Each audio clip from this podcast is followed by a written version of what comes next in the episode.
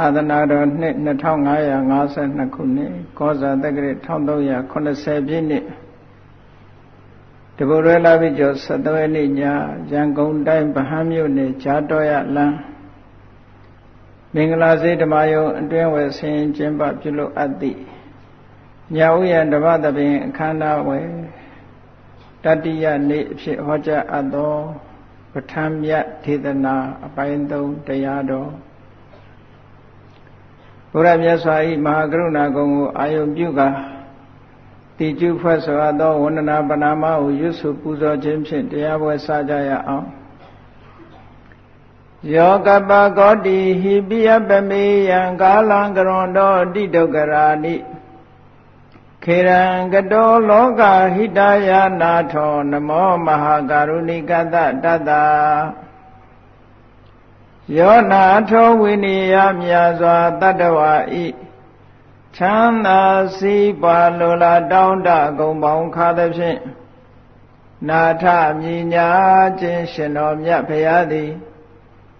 ကပ္ပကောတိဟိပိဂရေကဘာအရေးအတွက်သင်္ချာတို့ဖြင့်တော်လဲအပမေယရေအတွက်တိုင်တာဖော်ပြခြင်းငါမစွမ်းနိုင်ပါသော ကာလလေးအသင်ခြေသိမ့်နေကဘာရှိကြသော ကာလပတ်လုံးလောကဟိတယတတလောကဤအကျိုးစီးပွားအလုံးငါအတိဒုက္ခရာနိဩစာသက်ချင်လက်အင်္ဂါ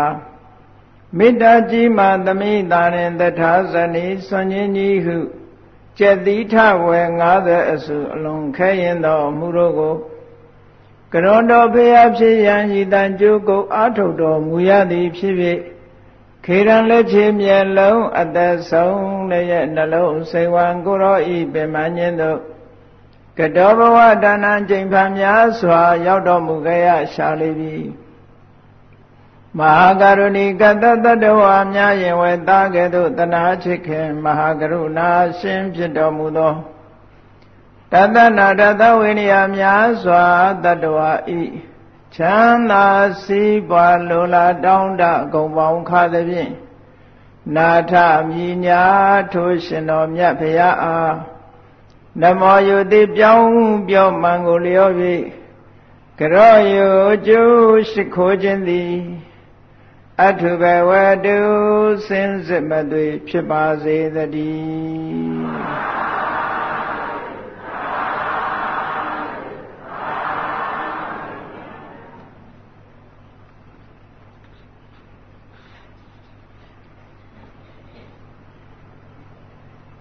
အာရမဏပစ္စယော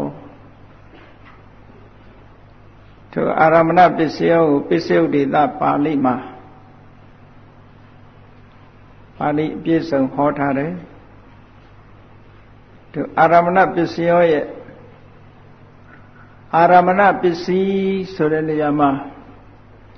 အာရမဏဆိုတဲ့ပုဂ္ဂ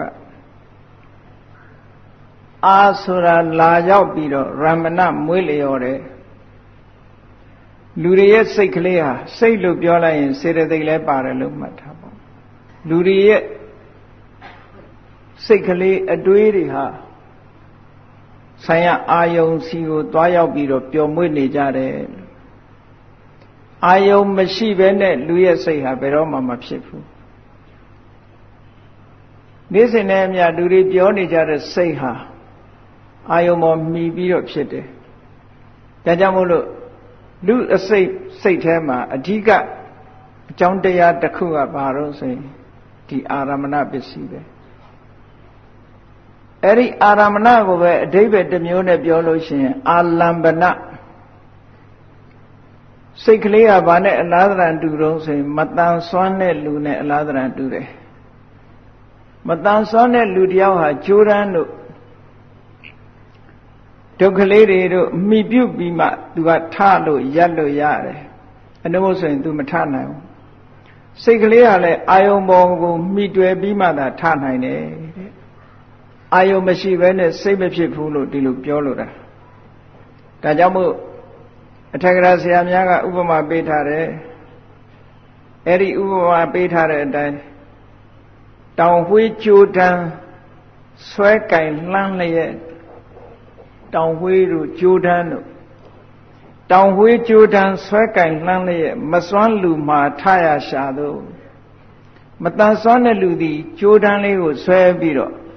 ထရတယ်လို့ပဲခုနှစ်ဖြာမှတ်ဝိညာဉ်ဓာတ်တို့မြင်သိစိတ်စက္ခုဝိညာဏဓာတ်ကြာသိစိတ်သောတာဝိညာဏဓာတ်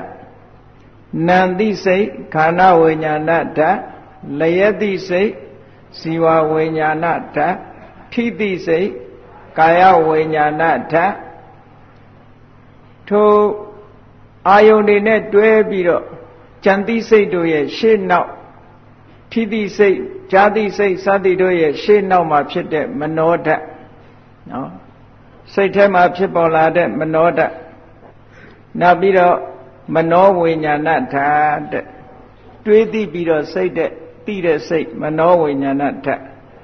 အဲ့ဒါကိုဝိညာဏဓာတ်လို့ဘာဖြစ်လို့ဓာတုဆိုတဲ့စကားလုံးနဲ့သုံးတယ်လဲဆိုလို့ရှိရင်ဓာတုဆိုတာ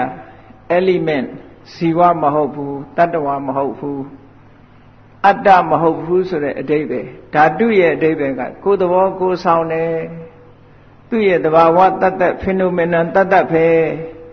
ဓာတုဆိုတဲ့စကားလုံးလေးကအဲ့ဒါကိုအဓိပ္ပာယ်ပြောတာ ဒါကြောင့်မို့လို့သက္ခုဝိညာဏဓာတ်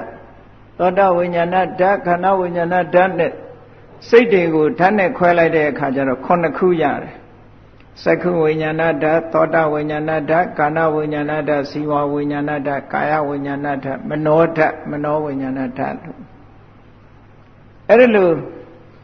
ဝိညာဏဓာတ်9ပါးဆိုတာအဲ့ဒီဝိညာဏဓာတ်ဆွဲမှတ်မျောရှုမိယာမှုဖြင့် ကျေစုပြုညာအာယုံ6ပါးပစ္စည်းတရား၎င်းလို့အာယုံ6မျိုးအာရမဏပစ္စယောဆိုတာလူတွေရဲ့တဏ္ဍာမှာနေ့စဉ်နဲ့လူတွေဘယ်ချိန်ဖြစ်ဖြစ်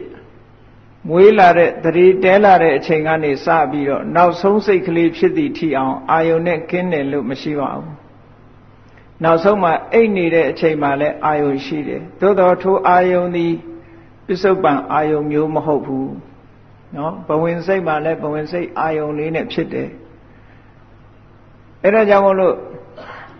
ဘုရားရဲ့တရားတော်အရလူမှာအသိစိတ်ရှိနေရင်အာယုံမဲ့တဲ့စိတ်ဆိုတာမရှိနိုင်ဒါကြောင့်မို့တချို့က unconscious အာယုံမဲ့နေတဲ့စိတ်လို့ဒီလိုထင်ကောင်းထင်လိုက်မရှိနိုင်ဘူး ဆံရဆံရအာယုံလေးတွေတော့စိတ်ထဲမှာရှိနေတာပဲအာရမဏတတ္တိကခြေစုပြုတယ်သို့တော့စိတ်ကလေးရဲ့တိမ်မွေ့မှုပြင်းထန်မှုတော့ဒီလိုတော့ level တို့ degree တို့တော့ကွာတာပေါ့ထိုစိတ်ရဲ့လှုပ်ရှားမှုဟာအရှိန်အဟုန်ချင်းတော့ကွာတာပေါ့ဘဝင်စိတ်ဆိုရင်တိတ်ပြီးတော့တိမ်မွေးတယ်လူတွေကအိတ်နေတော့အသက်ရှူနေတာဘဝင်စိတ်ကြောင့်ရှူတာ အဲ့ဒီဘဝင်စိတ်ကလေးကြောင့်မို့လို့အသက်ရှူမှုဟာဖြစ်ပြီးတော့နေတယ်လို့ဒီလိုပြောတာနော်ဒါကြောင့်မို့လို့အာနာပါနဟာစိတ်တစဝါယောဓာတ်စိတ်ကြောင့်ဖြစ်တဲ့ဝါယောဓာတ်လို့ဒီလိုပြောတာအေးအသက်မရှူတောင်မှပဲစိတ်ဆိုတာလုံးဝချုပ်သွားတယ်လို့ပြောလို့မရဘူးတိတ်တိမ်မွေးသွားတဲ့စိတ်မျိုးဖြစ်လာတဲ့အခါကျတော့အသက်ရှူရပ်သွားတာမျိုးလည်းရှိသေးတယ်အသက်ရှူရပ်သွားတော့လဲကံမစားယုတ်တွေရှိနေသေးတယ်များလူဟာမသေးဘူးလို့ဒီလိုပြောတာ ကံမစားယုတ်နဲ့ကံကြောင့်ဖြစ်တဲ့ယုတ်ကဆက်လက်ရှင်သန်နေသေးတယ်များလူရဲ့ခန္ဓာလူရဲ့ဘဝဟာအဆုံးမသတ်သေးဘူးကံမစားယုတ်တွေအဆုံးသတ်သွားပြီဆိုလို့ရှိရင်တော့ကံကြောင့်ဖြစ်တဲ့ဒီပရိသေရိစိတ်ဘဝင်စိတ်ဆိုတာတွေလည်းအဆုံးသတ်သွားပြီနောက်ဆုံးသုတိဆိုပြီးတော့အဲ့ဒီလူတဘဝစလာတဲ့အချိန်တုန်းကလည်း ပထမဆုံးစိတ်လေးကိုပရိသေရီခေါ်တယ်အဲ့ဒီပရိသေရီနဲ့ဘသူနဲ့ရှင်တွဲလာတော့ဆိုရင်ကမ္ပစယုံနဲ့ရှင်တွဲလာတယ်ကမ္ပစယုံနဲ့ပရိသေရီစိတ်တို့သည်ဗျိုင်းလူဖြစ်လာကြတယ်အဲ့ဒီချိန်မှာအချင်းချင်းအပြန်လန်မိခိုပြီးတော့ဗျိုင်းလူဖြစ်လာကြတယ်ဒါယုံနဲ့နံရှိတဲ့ဘုံတွေပေါ့လူဘုံကိုဥတည်ပြီးတော့ပြောမယ်ဆိုလို့ရှိရင်မိခင်ရဲ့ဝမ်းထဲမှာကလလရေကြီးဖြစ်စတဲ့အချိန်မှာတရေစိတ်လေးရဲ့ထိုတရေစိတ်မှာရှင်တဲ့ စေတသိက်ရဲ့ဒါတပိုင်းရှင်တွဲလာတဲ့ကမ္မဇယုတ်ကယုတ်30ယုတ်30ဆိုတာကာယတတကကလက30ဘာဝတတကကလက30ဟရယဝတ္ထုဝတ္ထုတတကကလက30လို့ဆိုပြီးယုတ်ပေါင်း30အဲ့ဒီရုပ်ပေါင်း30နဲ့ရှင်တွဲပြီးတော့သရေစိန်လေးကပေါ်ပြီးတော့လာတာဒီကမ္မဇယုတ်ကလေးက ပရိသေစိတ်ပေါ်လိုက်တာနဲ့တပြိုင်နက်ကံရဲ့စွမ်းအားကြောင့်ပရိသေစိတ်လေးမှလည်းဖြစ်တယ်နောက်ပရိသေစိတ်လေးရဲ့ဥပခိုက်မှလည်းထအသစ်ဖြစ်တယ်ဘင်ခိုက်မှလည်းထအသစ်ဖြစ်တယ်စိတ်ဖြစ်တိုင်းဖြစ်တိုင်းစိတ်ကြောင့်ဖြစ်တာမဟုတ်ဘူးသူကကံရဲ့စွမ်းအားနဲ့သွားနေတာစိတ်တစ်ခုမှသူက၃ငါ၃ငါထဖြစ်တယ်ကမ္မဇယုတ်ကနော်စိတ်ကလေးတစ်ခုမှခဏငယ်၃ခုရှိတယ် moment လို့ခေါ်တာ moment ၃မျိုးရှိတယ်ဥပတ်ရဲ့ထီရဲ့ပင်ရဲ့ဒါစာစကားပြောတာအရက်လို့ပြောမယ်ဆိုရင်ဖြစ်တီပြက်နော်ဖြစ်တာရဲ့ရပ်တန့်နေတာခဏလေးရပ်တန့်တဲ့သဘောရဲ့ပြက်သွားတာရဲ့ရပ်တန့်တဲ့သဘောဆိုတာအကြာကြီးမဟုတ်ဘူးအကြာကြီးမဟုတ်ဘူးဒီခဏသုံးခုဟာတညီတည်းပဲပြောမယ်ဆိုလို့ရှိရင်ပို့ပြီးတော့မှတ်လို့သားလို့လွယ်အောင်ပြောရလို့ရှိရင်တော့ ဒီစက္ကန့်ဆိုတဲ့ဒီနာရီလေးရဲ့စက္ကန့်ဆိုတာတဲ့ပို့ပြီးတော့တူတယ်လို့တော့မှတ်ထားပေါ့တစ်စက္ကန့်အတွင်းမှာဆိုရင်စိတ်ဟာဂရေတသိန်းလောက်ဖြစ်ပြနိုင်လောက်အောင်မြန်တယ်ပေါ့လင်းမြန်တယ်သို့တော့နားလည်လို့လွယ်အောင်လို့စက္ကန့်နဲ့ပဲပြောအောင်3စက္ကန့်ဆိုပါစို့စိတ်ကလေးတစ်ခုက3စက္ကန့်ရှိတယ်ဆိုလို့ရှိရင်ဖြစ်တာက1စက္ကန့်တီးနေတာ1စက္ကန့်ပြတ်သွားတာ1စက္ကန့်ဟော3စက္ကန့် အဲ့ဒီလိုစက္ကန့်တိုင်းစက္ကန့်တိုင်းမှာကမ္မဇယုတ်တွေကအသေးအသေးဖြစ်လာတယ်အဲ့ဒီမှာပရိသေရိစိတ်ကလေးကလည်းသူ့အာယုံနဲ့သူလာတာဒီအာယုံကအတိတ်ဘဝကလာတဲ့အာယုံဒေဂဏီအတိတ်ဘဝမှာမြင်ခဲ့တဲ့အာယုံသည်ထိုအာယုံကိုအကြောင်းပြုပြီးကံကနေပြီးတော့တွန်းလွှတ်လိုက်လို့ကိလေသာတွေကဖန်တီးပြီးကံကတွန်းလွှတ်လိုက်လို့ဘဝတည်းတစ်ခုရလာတာကံကဖန်တီးပေးလိုက်တယ် အဲ့ဒီကံအရှိန်မကုံမချင်းဟောဒီကံစားယုတ်တွေကဆက်လက်ပြီးတော့ဖြစ်နေတယ်လို့ဒီလိုပြောတာနော်အဲ့ဒါလို့ဆက်လက်ဖြစ်နေတဲ့အချိန်မှာ तू ကစိတ်နဲ့ရှင်တွဲပြီးတော့အမြဲတမ်းလာတယ်စိတ်နဲ့ရှင်တွဲပြီးတော့လာတယ်ကာမစားယုတ်နဲ့စိတ်တို့သည်ဒီပရိသေစိတ်နောက်ပိုင်းကျတော့ပရိသေစိတ်မကဘူးတခြားစိတ်တွေပါပေါ်လာတယ်အဲ့ဒီစိတ်တွေဟာ နောက်ဆုံးဘဝနောက်ဆုံးနေ့နောက်ဆုံးအချိန်ကလေးရောက်သည့်ထိအောင်သူသွားနေမှာပဲဒါဘု து အချိန်နဲ့သွားတာတုံးဆိုကံအချိန်နဲ့သွားနေတာကံကရှိသေးလားဆိုမရှိဘူးဒီဘဝအသိလောက်တာကအသိကံတရေရလာတဲ့ကံလေးကချုပ်သွားပြီးမရှိတော့ဘူးဘာနဲ့ဥပမာနဲ့နားလည်ရတော့လို့ဆိုလို့ရှိရင်ကြည့်မျိုးစိလေးတစ်စိတရက်စီလေးတစ်ခုမြေကြီးထဲမှာချပြီးတော့စိုက်လိုက်တယ်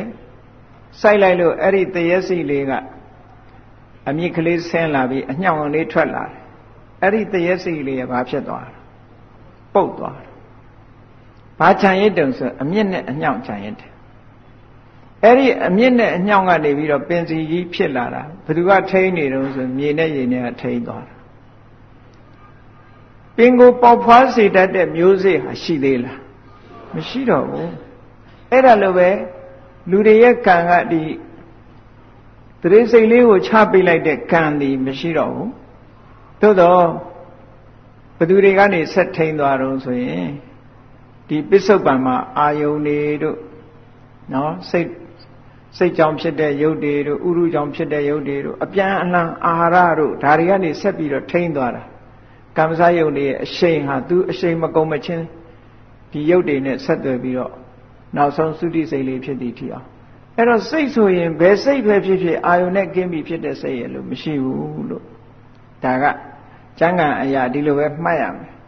စိတ်ရှိရင်အာယုန်ရှိတယ်ဆိုတာဒါသေချာပေါက်မှတ်ရမယ်တခုပဲနော်အမတန်တိမ်မွေးတဲ့အာယုန်ကိုလည်းစိတ်ကစိတ်ကတိမ်မွေးရင်အာယုန်ကလည်းတိမ်မွေးတယ်လို့ပဲမှတ်တခါတလေစိတ်မရှိတော့ဘူးလို့ထင်ရလောက်အောင်တိမ်မွေးတာမျိုးရှိတယ်လေသို့တော်လည်းရှိနေတယ် ဥပမာမဲ့အိပ်ပျော်နေတဲ့အချိန်ဘဝင်စိတ်ဖြစ်နေတယ်အာယုံမရှိဘူးလို့လူကထင်ရင်ထင်နေလိမ့်မယ်သို့တော့အဲ့ဒီဘဝင်စိတ်လေးမှာသူ့အာယုံရှိနေတယ်သို့တော့လူကမသိဘူးမသိတဲ့အတွက်ကြောင့် unconscious တို့ဘာလို့ပြောတာပစ္စုပန်ဒီဘဝင်စိတ်တို့ဘာလို့ဆိုတာအခုပစ္စုပန်အာယုံနဲ့ဘာမှမဆိုင်ဘူးအတိတ်ကအာယုံကြောင်းမို့လို့သူတို့ကအတိတ်အာယုံနဲ့သွားနေတာ ကံရဲ့စွမ်းအားကြောင့်အတိတ်အာယုန်နဲ့သွားနေတာအဲ့တော့အာယုံကင်းတဲ့စိတ်စေတသိက်ဆိုတာမရှိဘူးလို့အဘိဓမ္မာမှာအာယုံ6မျိုးဆိုတာဒီအာရမဏပစ္စယောမှာနားလည်ဖို့အာယုံ6မျိုးဆိုတာပြတယ်ရူပါယုံနဲ့နော်တတ္တယုံနဲ့ခန္ဓာယုံနဲ့ရတယုံနဲ့ဖွတ်တဘာယုံနဲ့ဓမ္မယုံလို့ အဲ့တော့ရူပယုံဆိုတာကမျက်စိကမြင်ရတဲ့အဆင်းအာယုံလေးကိုခေါ်တာမျက်စိကမြင်ရတဲ့အဆင်းအာယုံလေးကိုရူပယုံလို့ခေါ်တယ်နားကကြားရတဲ့အတန်ကိုတတ္တယုံအနတ်ကနာရတဲ့အာယုံကို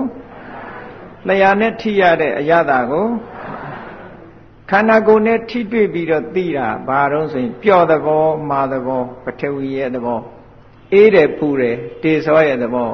လှုပ်ရှားတယ်တွန်းကန်တယ် ဝါရောရဲ့သဘောအဲ့ဒါကိုဖွတ်တပလို့ခေါ်တယ်ထိတွေ့စရာအာယုံကြံတဲ့အာယုန်တွေမှန်တယ်မြတ်စိတ်အာယုန်ရောနိဗ္ဗာန်အာယုန်တွေရောကြံတဲ့ယုတ်တရားတွေအာယုန်တွေရောအဲ့ဒီဟာတွေအလုံးပေါင်းပြီးတော့ဓမ္မာယုန်လို့ဒီလိုခေါ်လိုက်တာနော်အဲ့ဒီလိုခေါ်လိုက်တဲ့ထဲမှာဒါကြောင့်မို့လို့ဓမ္မယုံဟူရာ၌မျက်စိနာနှာခေါင်းလျှာကာယအကြည်ယုံများ ထိုအကြည်ယုံများတွင်ထင်လာခြင်းမရှိသောယုံများစိတ်အားလုံးစေတသိက်အားလုံးနိဗ္ဗာန်ပညာများပါဝင်သည်လို့ဓမ္မယုံဆိုတဲ့ထဲမှာအဲ့ဒါတွေပါတယ်ပတာရယုတ်တွေတင်ထင်လာတဲ့အာယုံကတစ်မျိုးဆိုပါစို့ရူပယုံဆိုတာစက္ခုပတာရယုံမှာထင်ဟပ်လာတဲ့အာယုံကိုခေါ်တာနော်တတ္ထယုံဆိုတာသောတပတာရမှာထင်ဟပ်လာတဲ့အာယုံကိုခေါ်တာ ခန္ဓာယုံဆိုတာခန္ဓာပတာရယုံမှာထင်ဟပ်လာတဲ့အာယုံကိုခေါ်တာရတ္တယုံဆိုတာလျှာဇီဝပတာရမှာထင်ဟပ်လာတဲ့အာယုံကိုခေါ်တာကာယဖုဒ္ဓဘာယုံဆိုတာကာယပတာရမှာထင်ဟပ်လာတာကိုခေါ်တာအဲ့ဒါတွေမထင်ဟပ်ဖဲနဲ့စိတ်နဲ့တွေ့တဲ့အာယုံတွေအားလုံးကိုဓမ္မယုံလို့ဒီလိုပြောတယ်နော်အဲ့ဒီတော့အာရမဏပစ္စည်းကို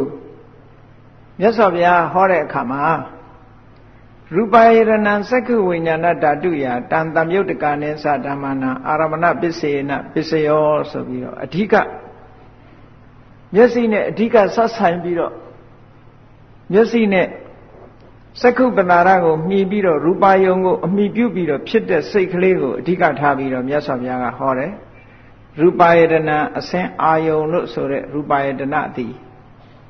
သက္ခုဝိညာဏဓာတုယာသက္ခုဝိညာဏဓာတ်အား၎င်းတန်တမြုပ်တကနံထိုသက္ခုဝိညာဏဓာတ်နဲ့ရှင်တဲ့ဓမ္မနံစေတသိက်တရားတို့အား၎င်း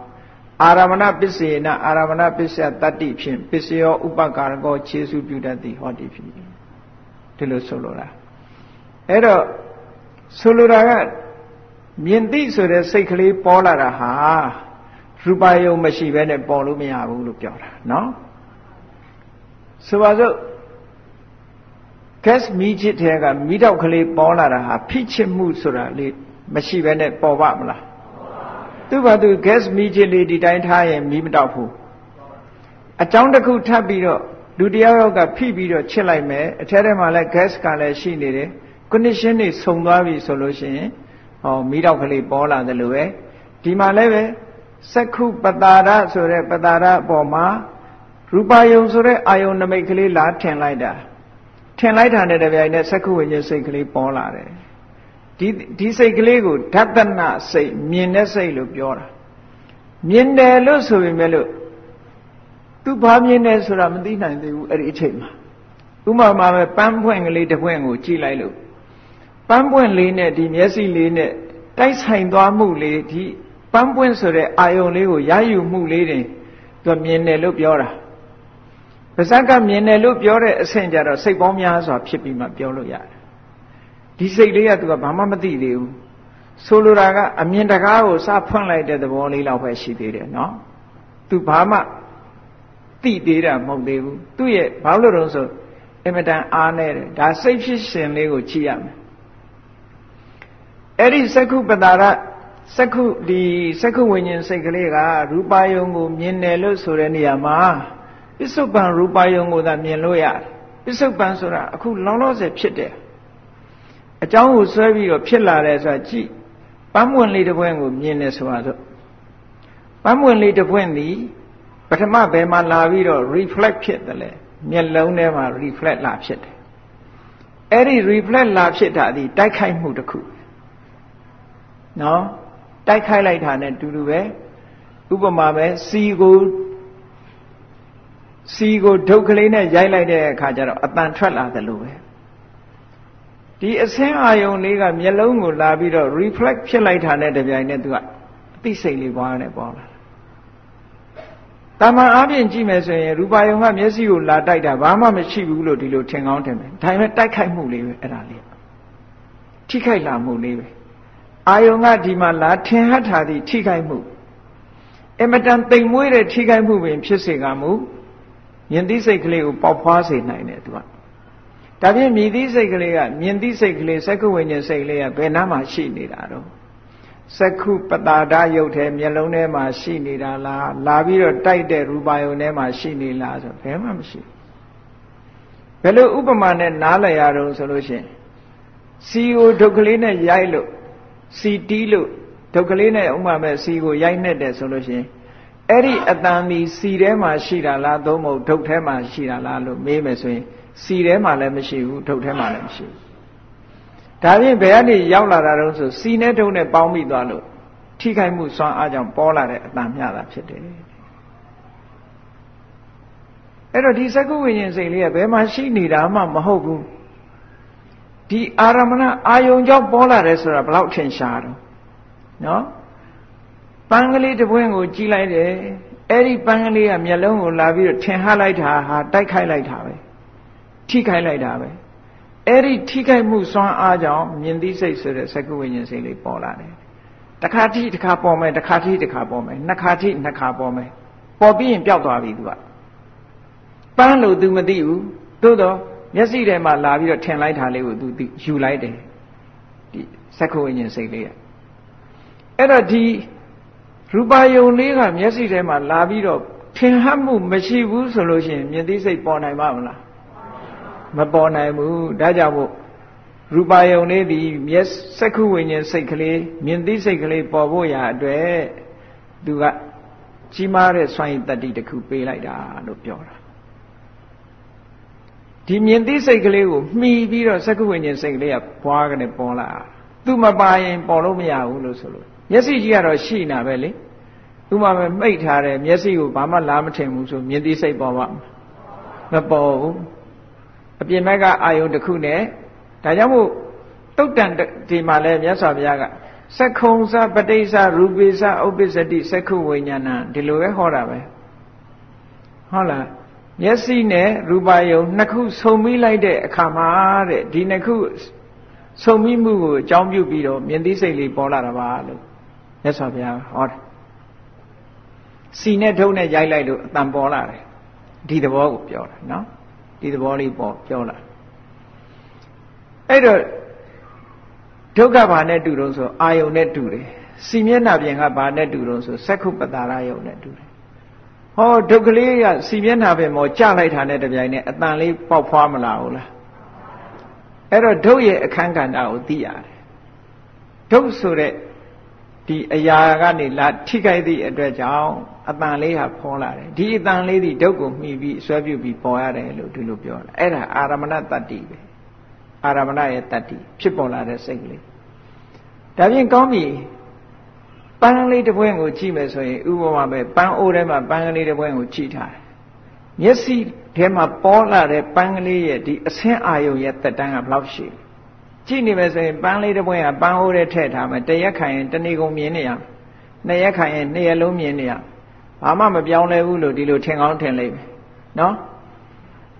အဲ့တော့အဘိဓမ္မာသဘောအရပြောမယ်ဆိုလို့ရှိရင်ပန်းလေးဟာမျက်စိမှာပန်းဆိုတဲ့အဆင်းအာယုံလေးဟာမျက်စိကိုလာထိခိုက်လိုက်တဲ့မျက်စိထဲမှာလားပေါ်တဲ့ဒီရူပါယုံလေးရဲ့တက်တန်းဟာဘလောက်ပဲရှိတုံးဆိုလို့ရှိရင် နားလေလွယ်အောင်လို့ပြောမယ်သူကအဘိဓမ္မာဆိုလို့ရှိရင်စိတ်16ချက်နဲ့ညီမျှစိတ်16ချက်ပဲအသက်ရှိတယ်သူကသူ့အသက်သူ့ရဲ့ဒီတက်တန်းလေးဟာစိတ်16ချက်နဲ့ညီမျှတယ်ဆိုလိုတာကဘာကိုပြောတာတုံးဆိုလို့ရှိရင်စက္ကန့်ပေါင်း51စိတ်တစ်ခုမှာစက္ကန့်တစ်ခုလို့တွက်ကြည့်လိုက်စိတ်စိတ်စိတ်တစ်ခုမှာစက္ကန့်3ခုနဲ့တွက်ကြည့်လိုက်စိတ်16ခုဆိုလို့ရှိရင် စက္ကန့်ပေါင်းဘယ်လောက်ဖြစ်မလဲ51စက္ကန့်အဲ့ဒီမျက်စိထဲမှာလာထင်ဟတ်တဲ့အစင်းရူပါယုံလေးရဲ့တက်တန်းဒီ51စက္ကန့်ပဲရှိတယ်ဒီလိုဆိုလို့ခဏငယ်50စက္ကန့်ပဲရှိတယ်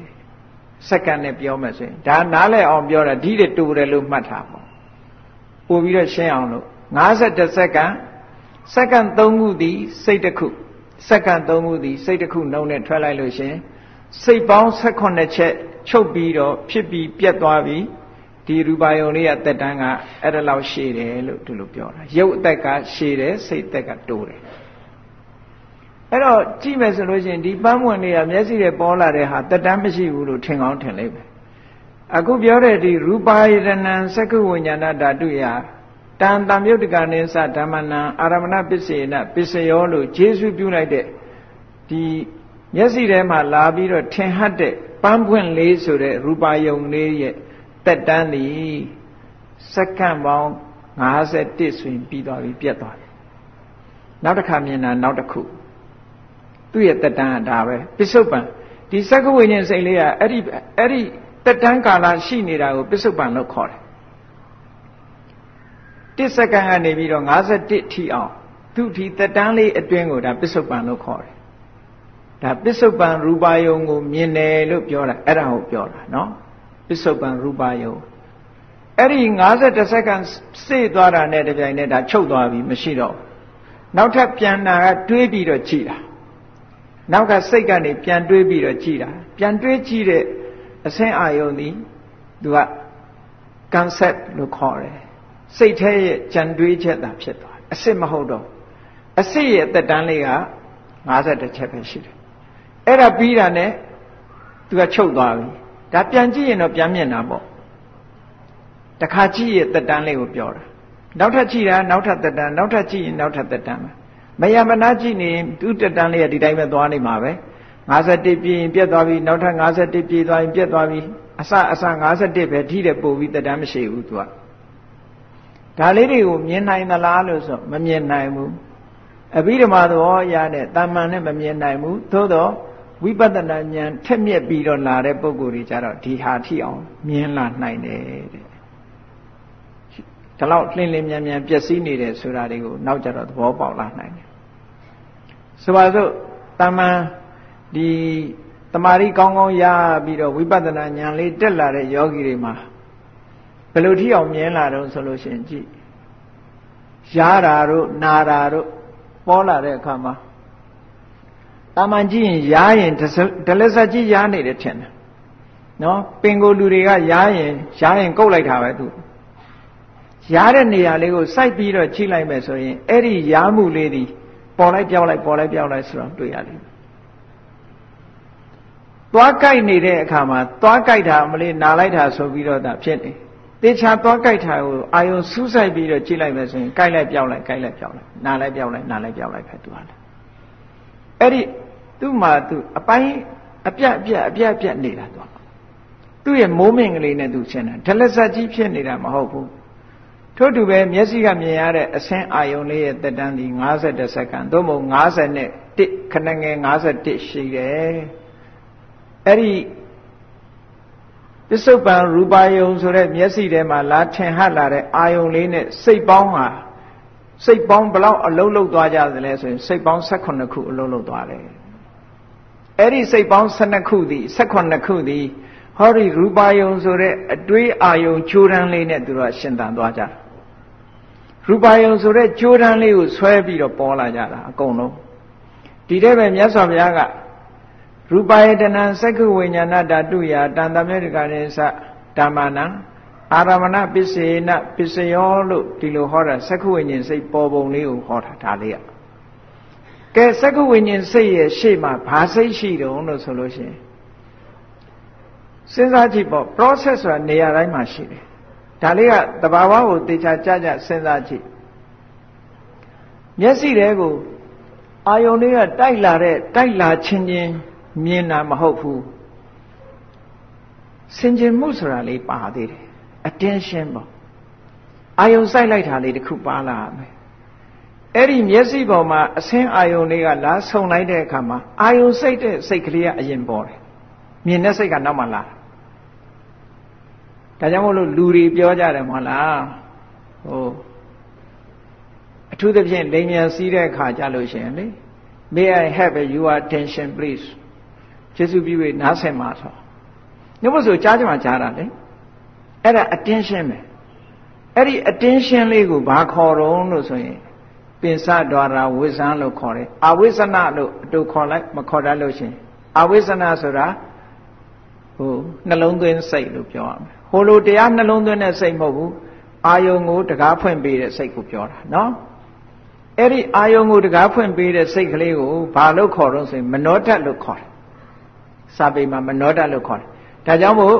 ရူပယတနံတတ္တယတနံဂန္ဓယတနံရတ္တယတနံဖုတ္တပါယတနံမနောဓာတုယတန်တမြုတ်တကနိသဓမ္မနာအာရမဏပစ္စေနပစ္စယောဆိုပြီးနောက်နားလေးမှာဟောတယ်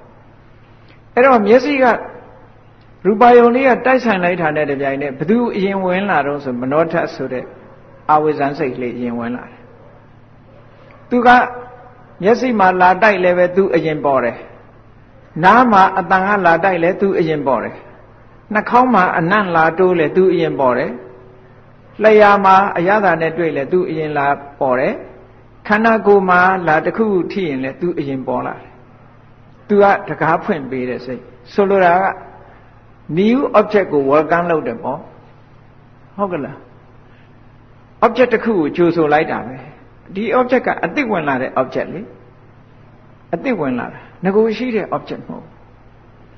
ငကိုလူမွေးရပါ object ကပါတော့ဆိုရင်ပရိသေရိစိတ်ရဲ့ object ကမွေးရပါတရေစိတ်ကဘဝင်စိတ်အိတ်နေတဲ့အချိန်ကမွေးရပါဒါမို့ပရိသေရိစိတ်ဘဝင်စိတ်သုတိစိတ်တွေရဲ့ object ဒီတသက်တာမှာပြောင်းလို့မရဘူးဘဝဆိုတာဒါပဲသို့တော့ကြံတဲ့ object တွေကအခုပစ္စုပန်နဲ့ဆိုင်နေပစ္စုပန်နဲ့ဆိုင်နေပစ္စုပန်အချိန်မှာ လူတွေမှာဒီအာယုံကိုယူတတ်တဲ့ဒီအင်္ဂါရက်တွေရှိသည့်အတွက်ကြောင့်ထိုအင်္ဂါရက်တွေနဲ့ပြင်ဘက်ကအာယုံနေနဲ့သွားပြီးတော့ဆက်သွယ်တယ်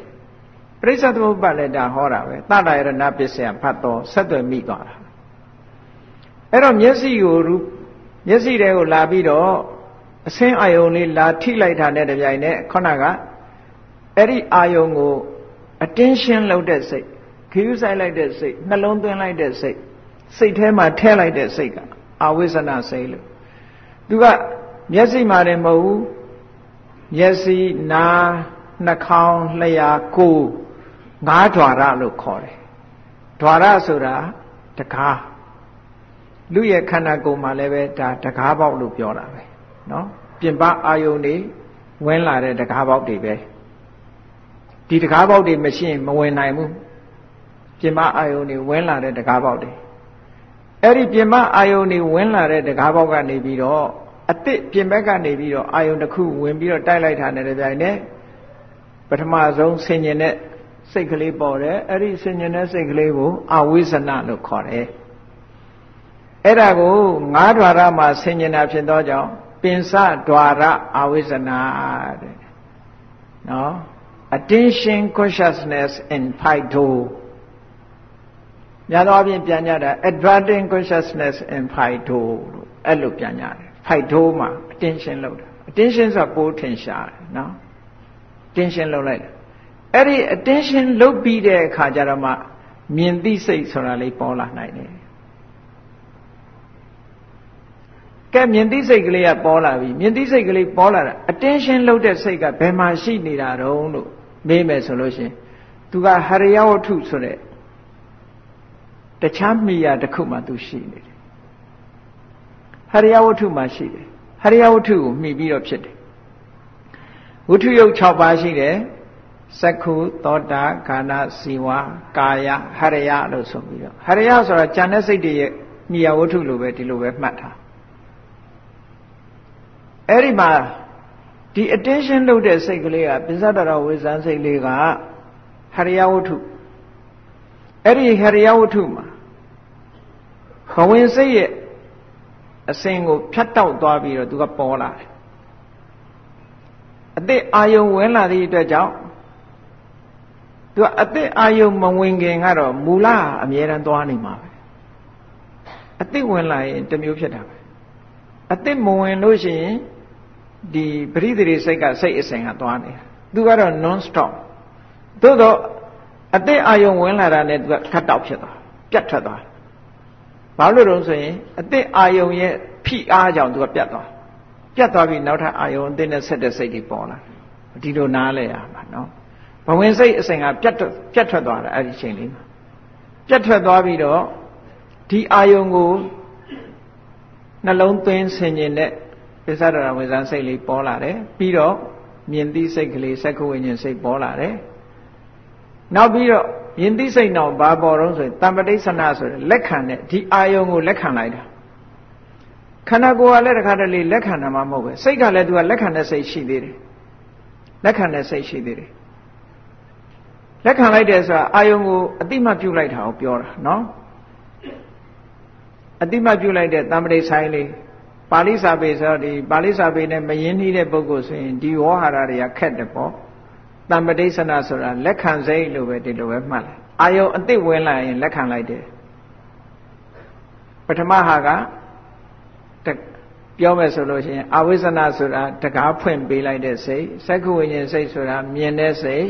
တမ္ပတိဆနာဆိုတာလက်ခံတဲ့စိတ်အဲ့ဒီတမ္ပတိဆနာလို့ခေါ်တဲ့လက်ခံစိတ်ရဲ့တကားဖွင့်ပေးတဲ့စိတ်ရဲ့အဲ့ဒီစိတ်နှစ်ခုကိုမနောထလို့ခေါ်တယ် မနောထလို့ခေါ်တယ်သူတို့စွမ်းရည်တတ္တိတွေကအများကြီးမရှိဘူးသူတို့လုံနိုင်တာဒါပဲဒီတွေပုံမလုံနိုင်ဒါသူတို့ရှေ့ပိုင်းကလုံတာကဲကားမုန်းတတ်တဲ့လူတွေသိတယ်ဘက်ထရီကဘာလောက်တာစတာတာဖွင့်လိုက်တဲ့အခါဘက်ထရီကဘာလောက်တာ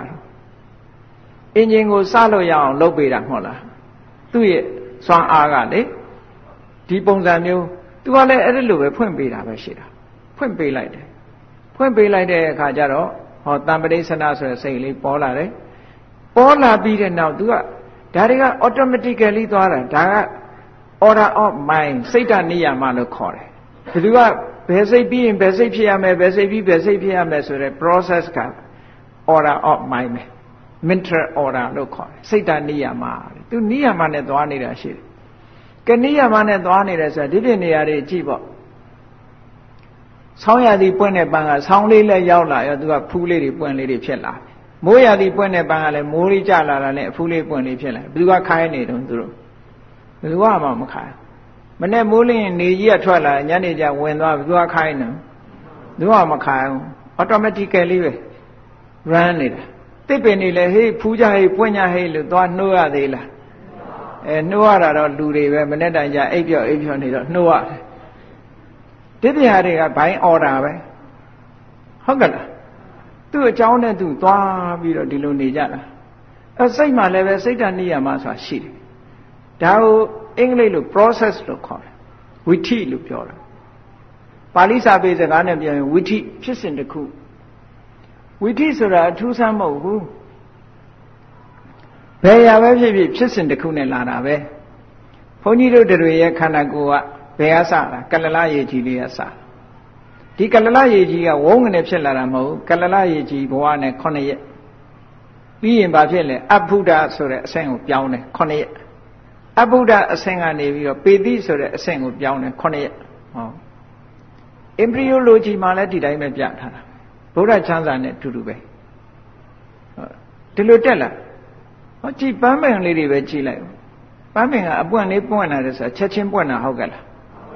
မဟုတ်ဘူးပထမအဖူးငုံသေးလေးပေါ်လာပြီးတော့မှအငုံကရင့်လာရင့်လာပြီးတော့မှပွင့်လာဒါ process process စိတ်လည်းပဲဒီတိုင်းပဲ process ပဲနော်ပန်းပွင့်လေးတစ်ပွင့်မှာ process ရှိတယ်လို့ပဲစိတ်မှာလည်း process ရှိတယ်ရှိသည့်အတွက်ကြောင့်စိတ်ကို तू ကအပိုင်းလိုက်အပိုင်းလိုက်ခေါ်သွားတာစိတ်တွေအများကြီးတစိတ်แท้လို့မခေါ်ဘူးသူ့ moment စိတ်တစ်မျိုးသူ့ moment အစိတ်တစ်မျိုးအဲ့ဒါလို့ပြောသွားတာ ကဲအာယုံလေးကလာပြီးတော့ခုနမျက်စိကိုပန်းပွင့်လေးကိုမြင်တယ်ဆိုပါစို့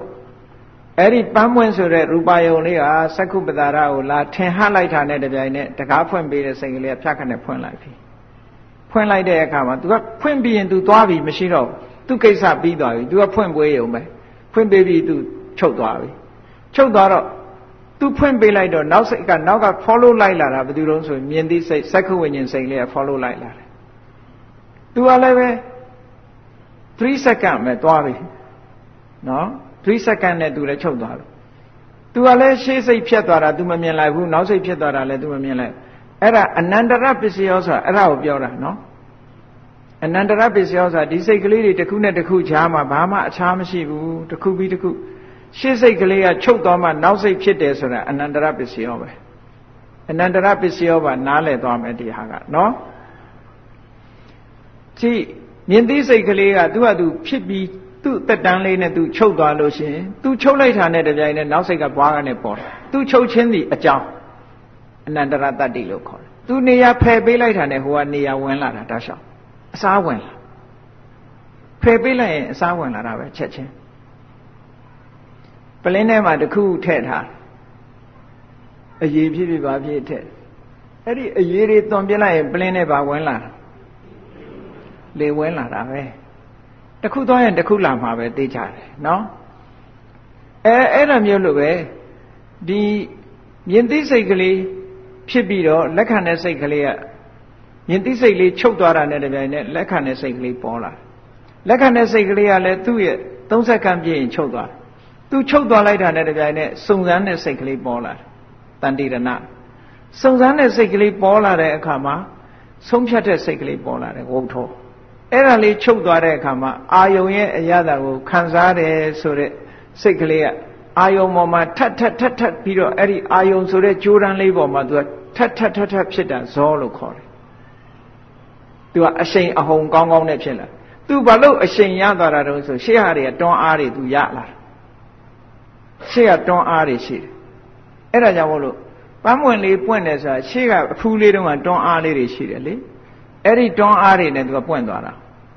ရင့်လာပြီးတော့ပွင့်သွားတာအဲ့ဒီသဘောပဲ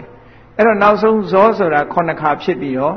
ထိုဇောရဲ့အရှိန်ကြောင့်နောက်ကနေလိုက်ဖြစ်သွားတာတရားယုံလို့ခေါ်တယ်တချို့စာအုပ်တွေက registration လို့ပြန်တယ်မဟုတ်ဘူး registration retentive လို့ပြန်တာနည်းနည်းကောင်းနေတယ်တရားယုံဆိုတာဇောရဲ့အာယုံကိုထပ်ပြီးတော့ခံယူတဲ့စိတ်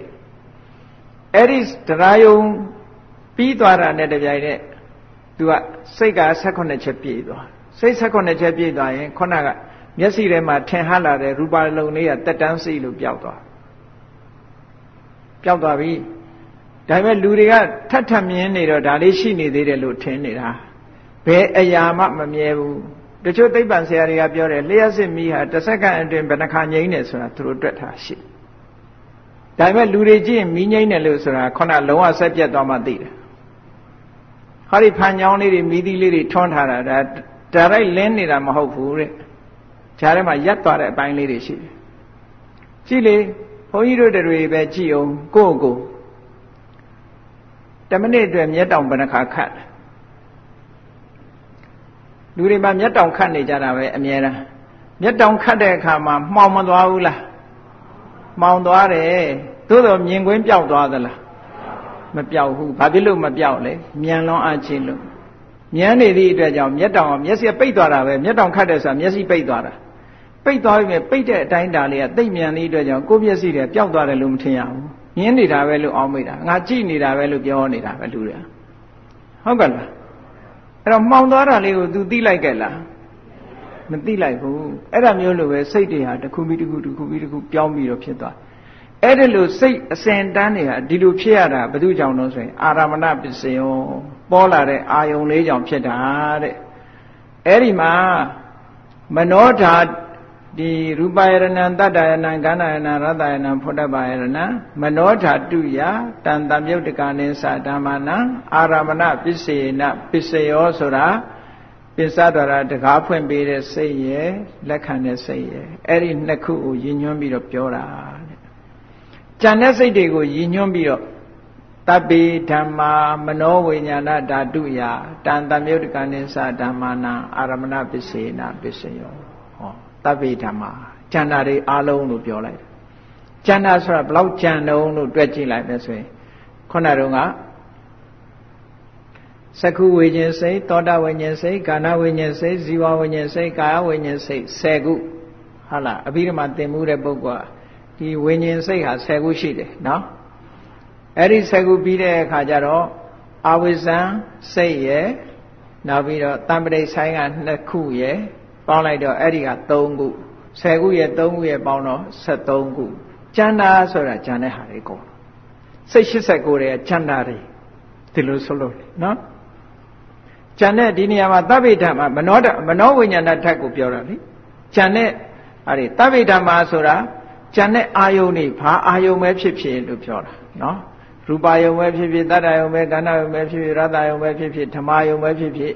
တရားအလုံးဒီမနောဝိညာဏဓာတုရမနောဝိညာဏဓာတ်ဆိုတာဘာတွေပြောတာတော့ခုနကတန်တိရဏတို့ဝုထောတို့ဇောတို့ဒရာယုံတို့ကျန်တာတွေအလုံးကိုပြောလိုက်တာအဲ့ဒီမှာစက္ကုဝိညာဉ်စိတ်လေးကိုဘာဖြစ်လို့တီးတန့်ထုတ်ပြီးတော့မြတ်စွာဘုရားဟောရအောင်ဆိုရင်သူသိနိုင်တာဒီအာယုံတစ်ခုတည်းပဲရှိတယ် ကြံတဲ့စိတ်တွေကအကုန်သိတယ်ဒီလိုဆိုလို့တယ်ဟုတ်လားအဲကြည့်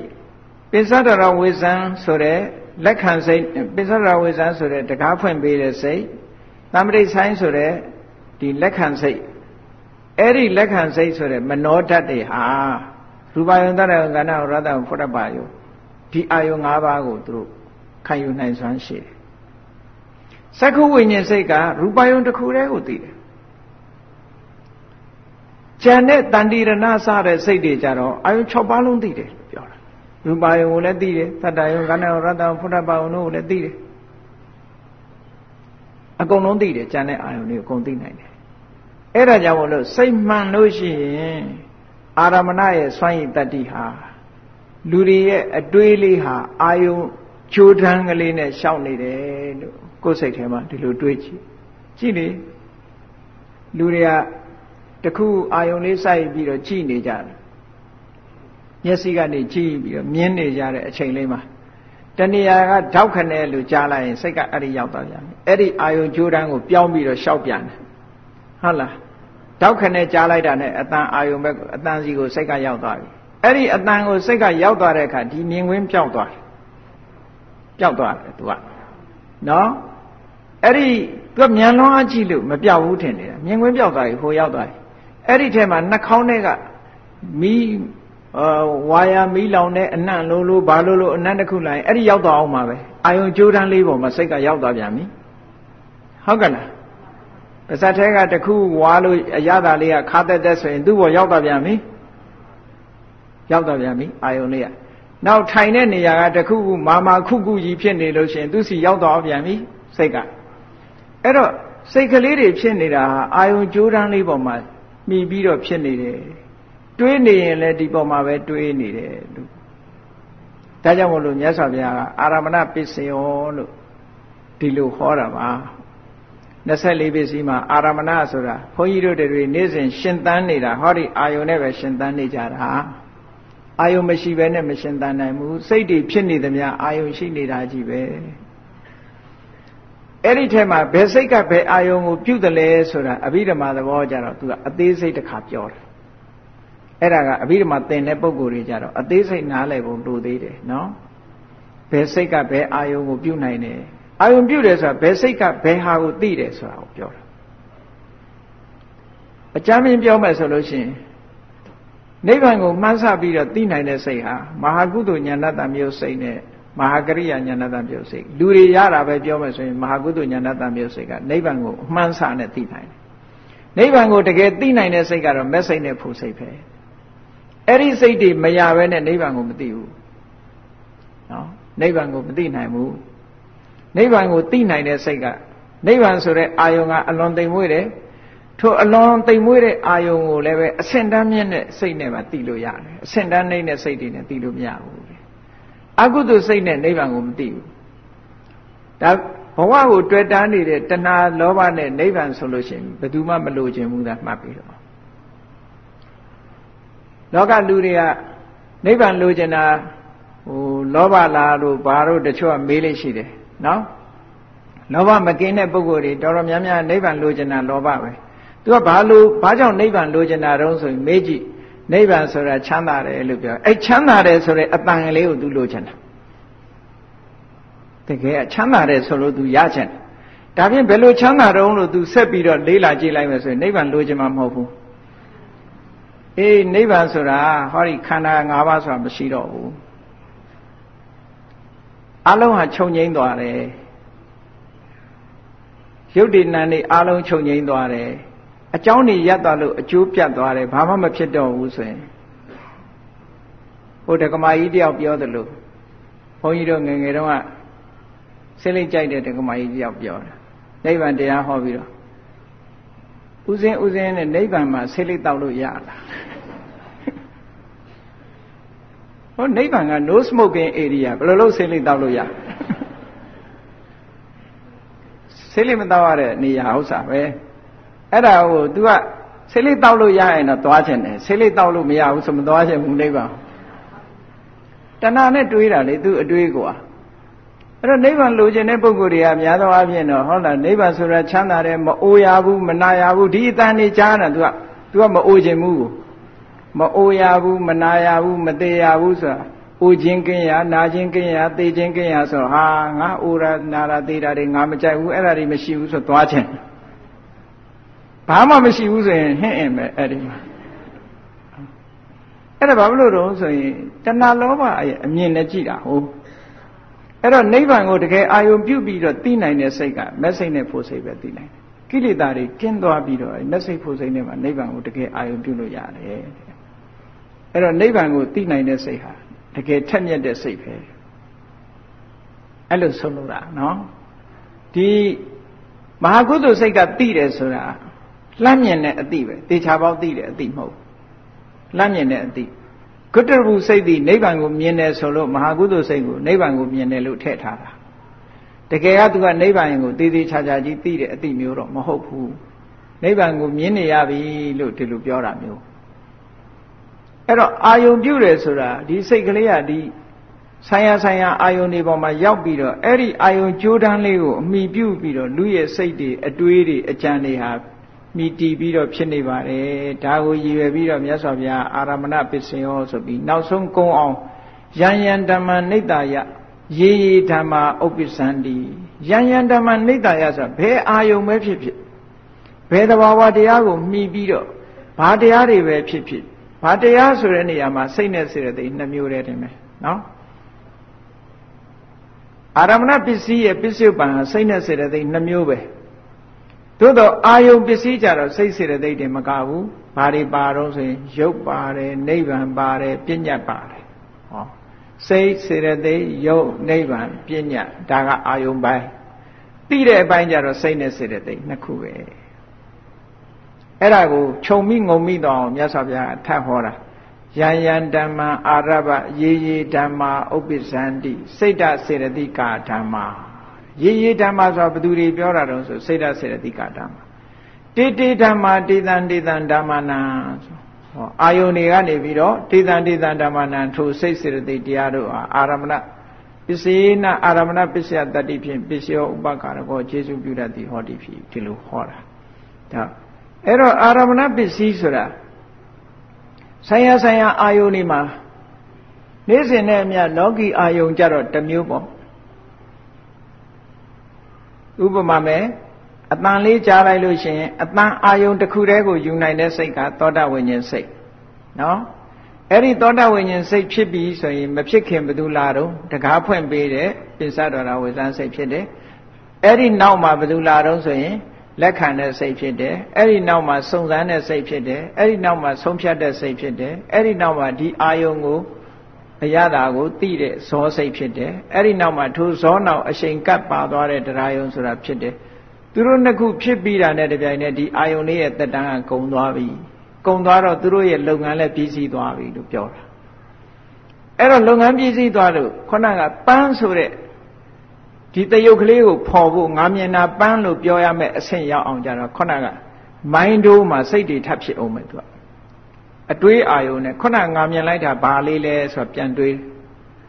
ပြန်တွေးလိုက်တယ်ပြန်ယူလိုက်တယ်အာယုံနဲ့ကိုပြန်ယူလိုက်တယ်အဲ့ဒါကြတော့အတိတ်အာယုံလို့ခေါ်တယ်ပစ္စုပန်မဟုတ်တော့ပစ္စုပန်ကသွားပြီမရှိတော့ခုနမျက်စိနဲ့ထင်တဲ့အာယုံကပြတ်သွားပြီပြတ်သွားတော့စိတ်ကနေဖမ်းထားတဲ့အတွေးအာယုံကိုသွားယူလိုက်ယူလိုက်ပြီးတော့ဗာစိတ်တွေဖြစ်တယ်ဆိုရင်ခုနကနှလုံးသွင်းတဲ့မနောဒရာဝိဇ္ဇန်ဆိုတဲ့စိတ်ဖြစ်တယ်ဖြစ်ပြီးရတဲ့ပြိုင်နဲ့ဇောတရားယုံဒီလိုဖြစ်တယ် အဲ့ဒါပြီးတဲ့အခါကျတော့ तू ကဘာဖြစ်တုံးဆိုရင်အတိတ်ကိုလှမ်းပြီးတော့ဘာပါလိမ့်လို့ဆိုရယ်စဉ်းစားတဲ့စိတ်အဲ့ဒါပြီးသွားရင်နောက်တစ်ခါလာပြန်ရော process တစ်ခုအဲ့ဒီ process တစ်ခုကျတော့ပန်းဆိုတဲ့နာမည်လေးကို तू ကရလာ အဲ့ဒီ process ပြီးပြီဆိုတော့မှအော်ပန်းဆိုတာဒါပဲလို့ဆိုတာကိုသိတာနောက်ဆုံးကြမှာသိတာဒါလည်းကြိုတင်ပြီးတော့သိထားပြီးမှသိတာအ ਨੇ ဆုံး၄ခုလို့ပြောတာနော် ရူပံပထမစိတ်တေနပထမဝိธิစိတ်တွေအားလုံးဝိธิ mental process ၄ခုကြတယ်လို့ပြောတာအ ਨੇ ဆုံးမျက်စိကအဆင်းအာယုံကိုမြင်လိုက်ရင်ထိုအဆင်းအာယုံနဲ့စတင်ပြီးအလုံးလုံးတဲ့စိတ်ကဒါပစ္စုပန်အာယုံနဲ့ process တစ်ခုတခါအဲ့ဒီအတိတ်ကိုပြန်ပြီးတော့တွေးတဲ့ process ကတစ်ခုဝိသိစိတ်စဉ်ကတစ်ခု အဲ့ဒီထဲမှာအမြည်ပေးတဲ့အမြည်ကိုဖော်ထုတ်နိုင်တဲ့ process ကတစ်ခုအကောင်ထဲဒရက်ကိုသိတဲ့ process ကတစ်ခုလို့ဆိုပြီးအ ਨੇ ဆုံး၄ခု၄ခုဆိုလို့ရှိရင်ပထမဆုံးမှာ18ချက်ပါတယ်စိတ်ပေါင်းဒုတိယဟာကသူကပင်စတရမနောဒရဝိဇံရယ်ဇော9ကြိမ်ရယ်ရှစ်တရာယုံ2ကြိမ်ရယ်ဆိုလို့ရှိရင်သူက8ကြိမ်9ကြိမ်9ခုဖြစ်မယ် အဲ့ဒီလို9ခု9ခု9ခု၄ခါလောက်ဖြစ်မှပန်းဆိုတာသိတယ်ဒါလည်းငကိုကသိခဲ့ပြီးမှပန်းဆိုတာကိုသူကောင်းတယ်ဖော်နိုင်တယ်အဲ့တော့ဒီလောက်အဆင့်စီသွားနေတာဟိုအဆင့်နေသွားတာဟုတ်ပါမလားအခုမြင်အခုသိတယ်လို့ဒီလိုထင်ကောင်းထင်လိမ့်မယ်ပေါ့မဟုတ်ဘူးသူက process ကအဲ့တိုင်းပဲသွားတယ်အဲ့ဒီ process ကို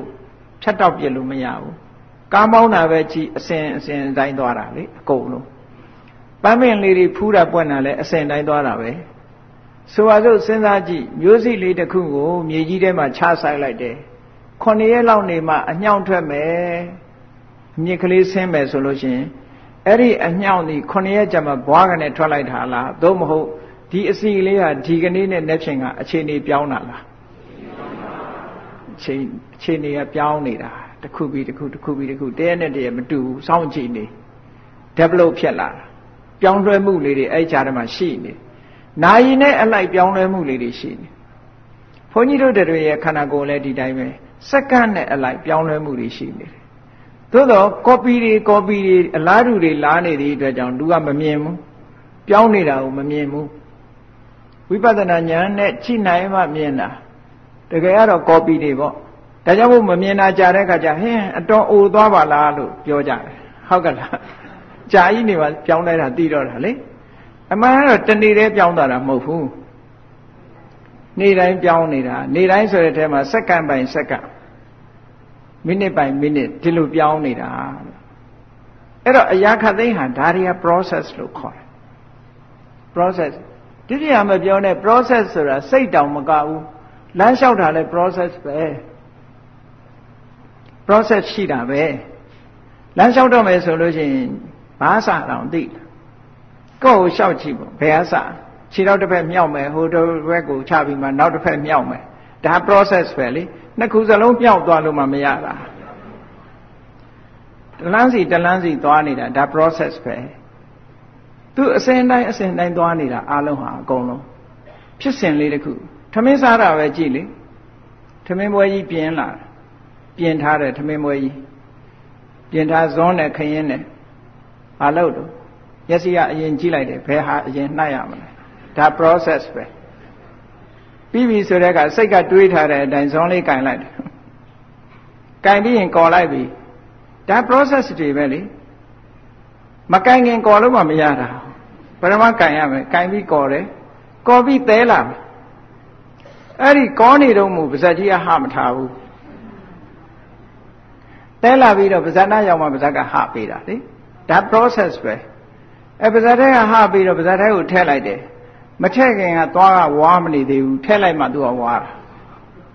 ဟောသွားနဲ့ရှာနဲ့အလုံးလုံးကြတယ်ပြီးတော့မျိုးချလိုက်တယ်ဒီရင်ဒါလူကလုပ်ပေးတဲ့ process ဘိုက်ထဲရောက်သွားပြီဆိုလို့ရှိရင်သူ့ရဲ့ခုနကအစာအိမ်တို့ဥတို့ကနေဆက်ပြီးတော့လှုပ်သွားတာနောက်ဆုံးတွိုင်းလဲလျှောက်သွားဒါတွေရဲ့ process တွေပဲအကုန်အဲ့တော့စိတ်မှလည်းပဲဒီတိုင်းပဲလို့ ရုပ်မှလည်း process ရှိသလိုစိတ်မှလည်းအာယုံလေးတစ်ခုနဲ့ပတ်သက်ပြီးအလုံးလုံးကြတာဟာတစ်ခုနဲ့တစ်ခုမတူဘူးစွမ်းအားတွေမြင့်မြင့်မြင့်မြင့်မြင့်မြင့်လာတယ်ဒါကြောင့်မို့ဇောဆိုတဲ့အဆင့်ရောက်တဲ့အခါကျတော့စိတ်စွမ်းအားတွေဒါမြင့်သွားပြီအချိန်တက်သွားတဲ့အချိန်ပဲသူကရှေ့ပိုင်းကအစလားအစပြိုးလားအစပြိုးပြီးနောက်ဆုံးအဆင့်ရောက်ပြီးရင်ဘာဖြစ်သွားပြန်ကြသွားဒါထုံးစံခဲလေးကောင်းငင်ကိုမြောက်ကြည့်ပါလားမြောက်လိုက်လို့ရှိရင် तू တက်သွား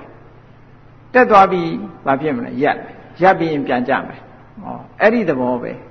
အာယုံလေးတစ်ခုနဲ့စိတ်တွေ့တဲ့အခါကျတက်သွားလိုက်ပြီးရင်ပြန်ကြသွားဒီပုံစံနဲ့သွားနေတာအဲ့တော့အားလုံးဟာအာရမဏပစ္စယောဆိုတာကိုယ့်ရဲ့စိတ်အာယုံများသည်စိတ်များဟာအာယုံဆိုတဲ့ကြိုးတန်းလေးပေါ်မှာအမိပြုပြီးတော့ရှောက်နှမ်းနေတာလို့အာယုံဆိုတာမပေါ်ဘဲနဲ့စိတ်ဆိုတာဘယ်တော့မှမပေါ်ဘူးအာယုံနဲ့ဝတ္ထုနဲ့ထိခိုက်မှသာလေ ပေါ်တယ်လို့ဒီလိုသဘောကျပြီးသွားလို့ရှင်တို့တွေနေ့စဉ်နေထိုင်နေတာဟာအာရမဏပစ္စယောနဲ့နေနေရတာပါလားလို့ဆိုသဘောပေါက်လာမှာပဲပဋ္ဌာန်းနဲ့နေလာကဲအဲ့ဒီနေရာမှာအာရမဏပစ္စယောလို့ပြောလိုက်တာနဲ့တပြိုင်နက်အဲ့ဒီအာယုံလေးနဲ့အလုတ်လုတ်တဲ့စိတ်တွေပြောပါစို့အဲ့ဒီအာယုံလေးရဲ့တက်တန်းက18ချက်လို့ဆိုတော့ရည်တွက်ပြီးတော့ကြည့်အောင် 18ချက်ကိုရည်တွက်ကြည့်လိုက်မယ်ဆိုရင်ကြည်တကားဖွင့်ပေးတဲ့စိတ်တစ်ခုနော်နောက်ပြီးတော့မြင်တဲ့စိတ်ကတစ်ခုလက်ခံတဲ့စိတ်ကတစ်ခုစုံစမ်းတဲ့စိတ်ကလေးကတစ်ခုဆုံးဖြတ်တဲ့စိတ်ကလေးကတစ်ခု၅ခုရှိသွားဇောက9ခုဆိုဘယ်လောက်ရှိသွား12ခုတရားယုံက2ခုဆိုရင်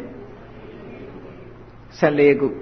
အဲ့တော့သူ့ရဲ့တက်တန်းကဘယ်အစတုံးလို့ဆိုလို့ရှိရင်ရှေ့နားမှာ အတိတဘဝင်ဘဝင်စိတ်ကသူကသူ run နေတာအဲ့ run နေတဲ့ထဲမှာအာယုံအစ်စ်ကဝင်ပြီးတော့တိုက်လိုက်တဲ့အခါမှာသူကချက်လှုပ်သွားပြီးတော့မပြတ်သေးဘူးချက်ချင်းပြတ်မသွားဘူးသူဝင်တိုက်လိုက်တဲ့အချိန်မှာအရှိန်နဲ့သွားနေလို့လွန်သွားတဲ့စိတ်ကလေးကဘဝင်စိတ်လေးကတစ်ခုလှုပ်သွားတဲ့ဘဝင်စိတ်ကလေးကတစ်ခုပြတ်သွားတဲ့ဘဝင်စိတ်လေးကတစ်ခုအဲ့ဒီသုံးခုထည့်လိုက်ရင်ဘယ်လောက်ဖြစ်သွား18ချက်အာယုံလေးရဲ့တက်တန်းကအဲ့ဒီလွန်သွားတဲ့ဘဝင်စိတ်လေးနဲ့သူနဲ့ပြိုင်ပြီးတော့လာကြတာ ပြိုင်ပြီးတော့ဖြစ်တာသူမွေးဖွားတဲ့အချိန်ကအဲ့ဒီအချိန်သို့တော့ तू ကစိတ်แท้ကိုမရောက်သေးဘူးဘဝင်စိတ်ကသူ့ကိုဂယုမဆိုင်ဘူး तू နဲ့အာယုံမဆိုင်ဘူး तू နဲ့မဆိုင်ဘူးဘဝင်ဆိုဒီကအတိတ်ဘဝကအာယုံနဲ့ပဲသက်ဆိုင်တယ်အခုပစ္စုပန်မှာဝင်လာတဲ့ဒီအဆင်းအာယုန်လေးကိုဘဝင်စိတ်ကမယူနိုင်ဘူးသို့တော့သူ့ရဲ့တိုက်ခိုက်မှုစွမ်းအားကြောင့်ဘဝင်စိတ်လေးကဖြတ်ခနဲ့ကြော်သွားပြီးတော့သူကလှုပ်သွားပြီးပြတ်ထွက်သွားတယ်ဟောအရှိန်နဲ့ပြတ်ထွက်သွားတယ် ် ပြတ်ထွက်သွားပြီဆိုတော့မှသူကတကားကနေဝင်လာတာဝင်လာတော့မှနောက်ကစိတ်တွေကသူနဲ့အလုံးလုံးသွားကြတာအဲ့ဒါတဏီကုံလုံးရင်တဏီကုံပဲဆက်ဖြစ်နေမှာပဲဒီအာယုံလေးဒီပန်းလေးကိုသဘောကျရင်လည်းဆက်တွေးနေမှာပဲသူကနော်စိတ်အစဉ်တွေဟာမပြတ်အောင်ဆက်တွေးနေမှာပဲတဏီကုံစဉ်းစားရင်တဏီကုံပဲတဏှာကြီးစဉ်းစားရင်တဏှာကြီးပဲဒီဟာလေးက repetition ပဲထပ်ထပ်ထပ်ထပ်ထပ်ထပ်လာပြီးတော့ဒီလိုသွားနေမှာပဲ စလိုက်ဒီလိုဆုံးသွားလိုက်စလိုက်ဆုံးသွားလိုက်ပြန်လာအဲ့ဒီလိုဖြစ်နေတာဟာစိတ်တွေမှန်သမျှဟာတဲ့အာယုံဆိုတဲ့ကြိုးတန်းပေါ်မှာရှောက်လန်းပြီးတော့ဖြစ်ကြရတာအာယုံကြိုးတန်းမပါဘဲနဲ့စိတ်အစွမ်းဟာဘာမှမရှိပါဘူးလို့ဒီလိုပြောတာပါနော်အဲ့ဒါကိုပဲအာရမဏပစ္စယောလို့အဲ့ဒီအာရမဏပစ္စယောလို့ဆိုတဲ့အထဲမှာခုနကမျက်စိကမြင်တဲ့စိတ်ကလေးကဘယ်ချိန်မှာဖြစ်လိုက်တာတော့ဆိုရင်ခုနက ဘဝင်အတိတဘဝင်ကလို့ဆိုရယ်ဖြတ်ကျော်လာတဲ့ဘဝင်ကလေးနဲ့သူကတူတူမွေးတာအဲ့တော့သူ့ကိုရတဲ့စိတ်ကဘယ်နှစိတ်မြောက်မှသူ့ကိုသိတာတော့သူ့ကိုတကားဖွင့်ပေးတဲ့စိတ်က၄ခုမြောက်ကြမှာသူ့ကိုတကားဖွင့်ပေးနိုင်တယ်ဟုတ်ကဲ့လားသူ့ရဲ့တက်တန်းဟာ၄ချိန်လောက်ဆိုပါစို့၄ခုဆိုတော့တော့ဘယ်နှခုဖြစ်သွားတော့12ခက်နဲ့စက္ကန့်12စက္ကန့်ရှိသွား12စက္ကန့်လောက်ကြာတော့မှသူ့ကိုတကားဖွင့်ပေးလိုက် အဲ့တော့ तू က तू မွေးဖွားလာတဲ့အချိန်က12စက္ကန့်ကျော်ခဲ့ပြီ12စက္ကန့်ကျော်မှမြင်ရတယ်ဆိုတော့အဲ့ဒီအာယုံကရှေ့ကြသလားမြင်တဲ့စိတ်ကရှေ့ကြသလားအာယုံကအရင်မွေးဖွားပြီးတော့မြင်တဲ့စိတ်ကနောက်မှမြင်တာအဲ့ဒါကိုပုရိသတာပစ္စယောလို့ပြောတာဟုတ်ကဲ့လားဒါ24ပစ္စည်းကိုဒီထက်ထည့်ပြီးတော့ပြောသွားလိုက်မယ်ပုရိသတာပစ္စယောဆိုအဲ့ဒါပြော အာယုံကအတိတပွင့်စိတ်လေးနဲ့စပြီးမွေးဖွားလာတဲ့အာယုံလေးကို17စက္ကန့်လောက်12စက္ကန့်လောက်နေတဲ့အခါကျတော့မှတကားဖွင့်ပွေးတာခံရတယ်နောက်ပြီးတော့15စက္ကန့်ဟိုဘက်ကျတော့မှမြင်သိစိတ်ကလေးကပေါ်လာတယ်ဆိုတော့ဟောပုရိသတာပစ္စယောသူကပုရိသတာပစ္စယောအဲ့ဒါကိုပုရိသတာလို့ခေါ်တာအာယုန်နဲ့ပတ်သက်ပုရိသတာပစ္စယောဒါဖြင့်အဲ့ဒီအာယုန်လေးကရှိနေတုံးပဲ mental process မှာသူ့ရဲ့တက်တန်းမကုံသေးဘူး16ချက်နဲ့သွားမှဆိုရှိနေသေးတယ်ရှိနေတုံးဖြစ်သောကြောင့်အဋ္ဌိပစ္စယောမကင်းကွာသေးဘူးပြောင်းမသွားသေးတော့ကြောင့်အဝိကတပစ္စယောဘယ်နှပစ္စည်းရှိသွားလေးပစ္စည်းတဲ့အာရမဏပုရိသတာအဋ္ဌိအဝိကတဟောဒီထဲမှာပါဝင်လာတာဒီဆိုရင်တတ္တိတွေနဲ့သွားတာ မျက်စိထဲမှာထင်ဟပ်လာတဲ့ရူပါယုံလေးဒီစက္ခုဝိညာဉ်စိတ်တဲ့အခုစိတ်အစဉ်တန်းတစ်ခုလုံးကိုအကျိုးပြုတယ်ဆိုတဲ့နေရာမှာအခုပုံစံနဲ့အကျိုးပြုတာနော်အဲ့ဒီအာယုံလေးကကြိုတင်ဖြစ်နေတဲ့အတွက်ကြောင့်ပုရိသတာရှိနေတုံးကျေစုပြုတာဖြစ်သောကြောင့်အဋ္ဌိပျောက်မသွားခင်ကျေစုပြုတာဖြစ်သောကြောင့်အဝိကတာကြိုးတန်းတခွဲအထောက်ကူပြုနေတာဖြစ်သောကြောင့်အာရမဏလို့ဟောဒီလိုနားလည်ရတယ် အတန်ကြားတာလည်းဒီတိုင်းပဲနှာခေါင်းကအနံ့ရရင်လည်းဒီတိုင်းပဲကိုယ့်ဘက်ကိုထမင်းစားရင်လည်းအာယုံဆိုင်လို့ရပါတယ်ရှာလေးနဲ့အရသာလေးနဲ့တချို့အရသာကတိတ်မထင်ရှားဘူးပေါ့ထင်ရှားကြလို့ရှင်ငရုတ်သီးလေးစားလိုက်ပေါ့အဲ့ဒီခါကြလို့ရှင်ပို့ပြီးတော့ထင်ရှားလာမယ်ရတ္တယုံကနော်ရတ္တယုံကထင်ရှားလာပြီဆိုလို့ရှင်စိတ်ကအဲ့ဒီရောက်သွားမှငရုတ်သီးစားလိုက်တာဆိုပြီးတော့အဲ့ဒါလို့အာယုံလေးတွေနဲ့ စိတ်ကလေးတွေကအခုလိုမိတွဲပြီးတော့ဖြစ်တယ်ဆိုတာကိုမြတ်စွာဘုရားကပဋ္ဌာန်းကျမ်းတော်ကြီးမှာဟောကြားတာဖြစ်ပါတယ်ဒီပဋ္ဌာန်းကျမ်းမှာဒီလိုဟောတဲ့အကျယ်တဝင့်အသေးစိတ်ဟောနေတာအခုပစ္စယနေရတာဆိုတာမကျင်းမကျဲဒီတဲ့နောက်ထပ်ပြီးတော့ချဲလိုက်လို့ရှိရင်ပညာဝါဒဆိုတာအကျယ်ကြီးပဲလာသေးတယ်တခါအသေးထပ်စိတ်ထားရှိသေးတယ်အေးဒါကြောင့်မို့တရားချက်ခင်သူတော်စင်ပြိဿအပေါင်းတို့ဒီအာရမဏပစ္စယောနဲ့ပတ်သက်လာလို့ရှိရင်အခြေခံအားဖြင့်တော့ နားလည်သွားပြီလို့ယူဆပါတယ်ဘုရားမြတ်စွာရဲ့တရားဓမ္မဟာလူတွေရဲ့တဏ္ဍမှာဖြစ်နေတဲ့သဘာဝတွေကိုထင်ရှားသိတာလောက်အောင်ဟောကြားခြင်းဖြစ်ပါတယ်သဘာဝကိုမသိသေးသမျှအသိဉာဏ်ဆိုတာမရနိုင်ပါဘူးအသိဉာဏ်ဆိုတာသဘာဝကိုအစစ်မှန်ကိုသိတာကိုသာလဲအသိဉာဏ်လို့ခေါ်တယ်အဲ့ဒီအသိဉာဏ်ကိုရရှိမှသာလျှင်တွေ့တာမှုဆိုတဲ့တဏှာကိုဖယ်ရှားပြနိုင်မှာဖြစ်ပါတယ်တွေ့တာမှုတဏှာဖယ်ရှားနိုင်မှတောကဆိုတာဖယ်ရှားနိုင်မှာဖြစ်ပါတယ်ဒါကြောင့်မို့ တောကမဖယ်ရှားပဲစိတ်ငြိမ်းချမ်းမှုဆိုတာလုံးဝမရနိုင်ပါဘူးဒါကြောင့်မို့တောကဆိုတဲ့အပူပင်နေကင်းပြီးတော့စိတ်ငြိမ်းချမ်းမှုဆိုတဲ့သာဝရအငြိမ့်တဲ့နိဗ္ဗာန်ထိအောင်ရောက်ရှိနိုင်မှုရတဲ့ဓမ္မအတိညာရရှိဓမ္မအတိညာရရှိမှသာလဲအတွေ့အတာကိုဖယ်ရှားနိုင်မှာလို့ယုံကြည်ယူဆပြီးတော့အတိညာရရှိအောင်ကျင့်ကြံကြိုးကိုအားထုတ်နိုင်ကြပါစေကုန်သတည်း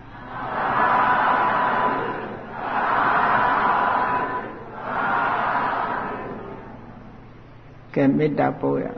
တတ္တဝါများစွာဘေးရန်กว่า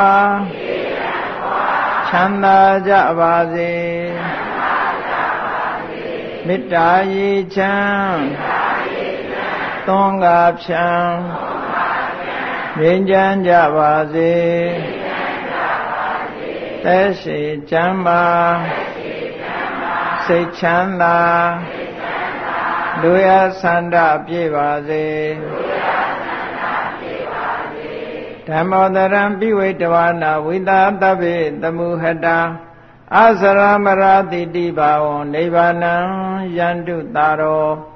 ဓမ္မောတရံလောဘဒေါသမောဟစိတ်တောက်ကင်းပြောက်ကြည်တရားစေကိုပိဝိတဝဝန္တာရှင်ပြတောက်ကြနာကြရအကုန်သောကြောင့် ဝိတာတဝေပူစာညစ်နောက်ကိလေသာအစိတောဟုသမျှတို့သည်သမုဒ္ဒပိဉ္ကြဘက်တွင်ရိမတင်တဲ့ကဲ့သို့ကင်စင်လွင်ပြောင်းပေမရောက်အောင်ပဲဖြောင်းအပ်ကုန်သည်ဟောတုစင်စစ်မသွေဖြစ်ကြပါစေကုန်သတည်းအစရမရံအိုခြင်းလဲကွာနာခြင်းလဲကင်သေးခြင်းလဲရှင်ထသောတိတိဘဝကိလေသာဟုပူခတ်တိန်ကင်းငြိမ်းရာအစစ်ဖြစ်ပေထသောနိဗ္ဗာန်နိဗ္ဗာန်ဟုခေါ်အေးမြတော်သို့ သာရောတရားချစ်ခင်စိတ်ကောင်းဝิญညာသူတော်စင်များတို့သည်